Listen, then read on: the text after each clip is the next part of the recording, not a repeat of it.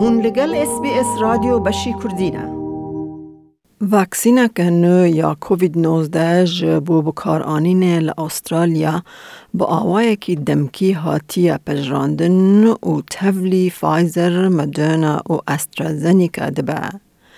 واکسینا نوواکس د جرباندن کلینیکی د انجام سوزدار نشان دا و هیوی هنه کو اری کرن ده هن مروون کو جبو ورگرتنا واکسین لیدان دو دل بون پشتراس بکه دا کود داویه ده بهن واکسین کرن.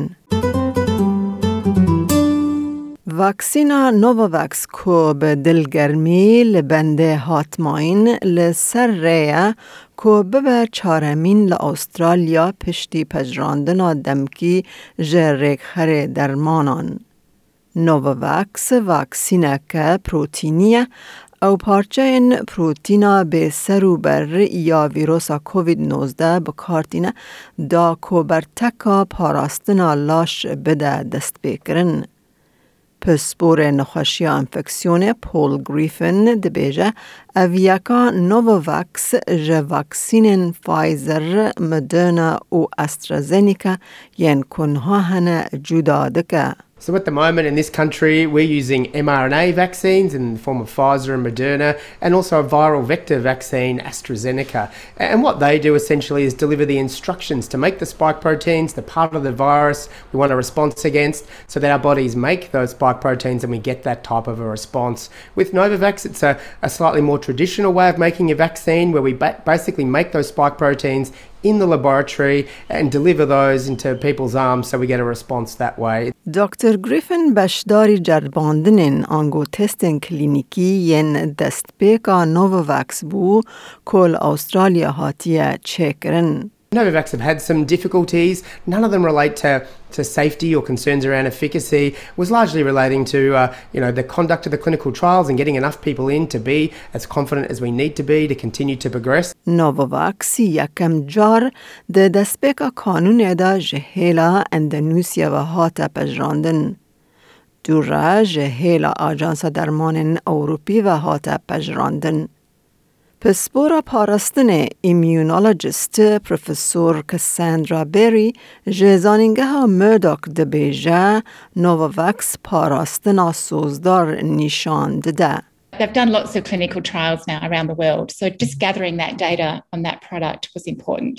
It depends on which group you look at, but it's around about 90.4% effective against symptomatic COVID, which is really, really high. لأسترالیا جسدی 92.8 جکسین 16 سالی مزنتر هیانها به کیمانی دو وکسین کووید 19 ورگرتنه. وزیر تندرستی گریگ هانت دبیجه هن کسان وکسین لیدان درنگ خستنه هیا کو وکسینا نوواکس درد کوه.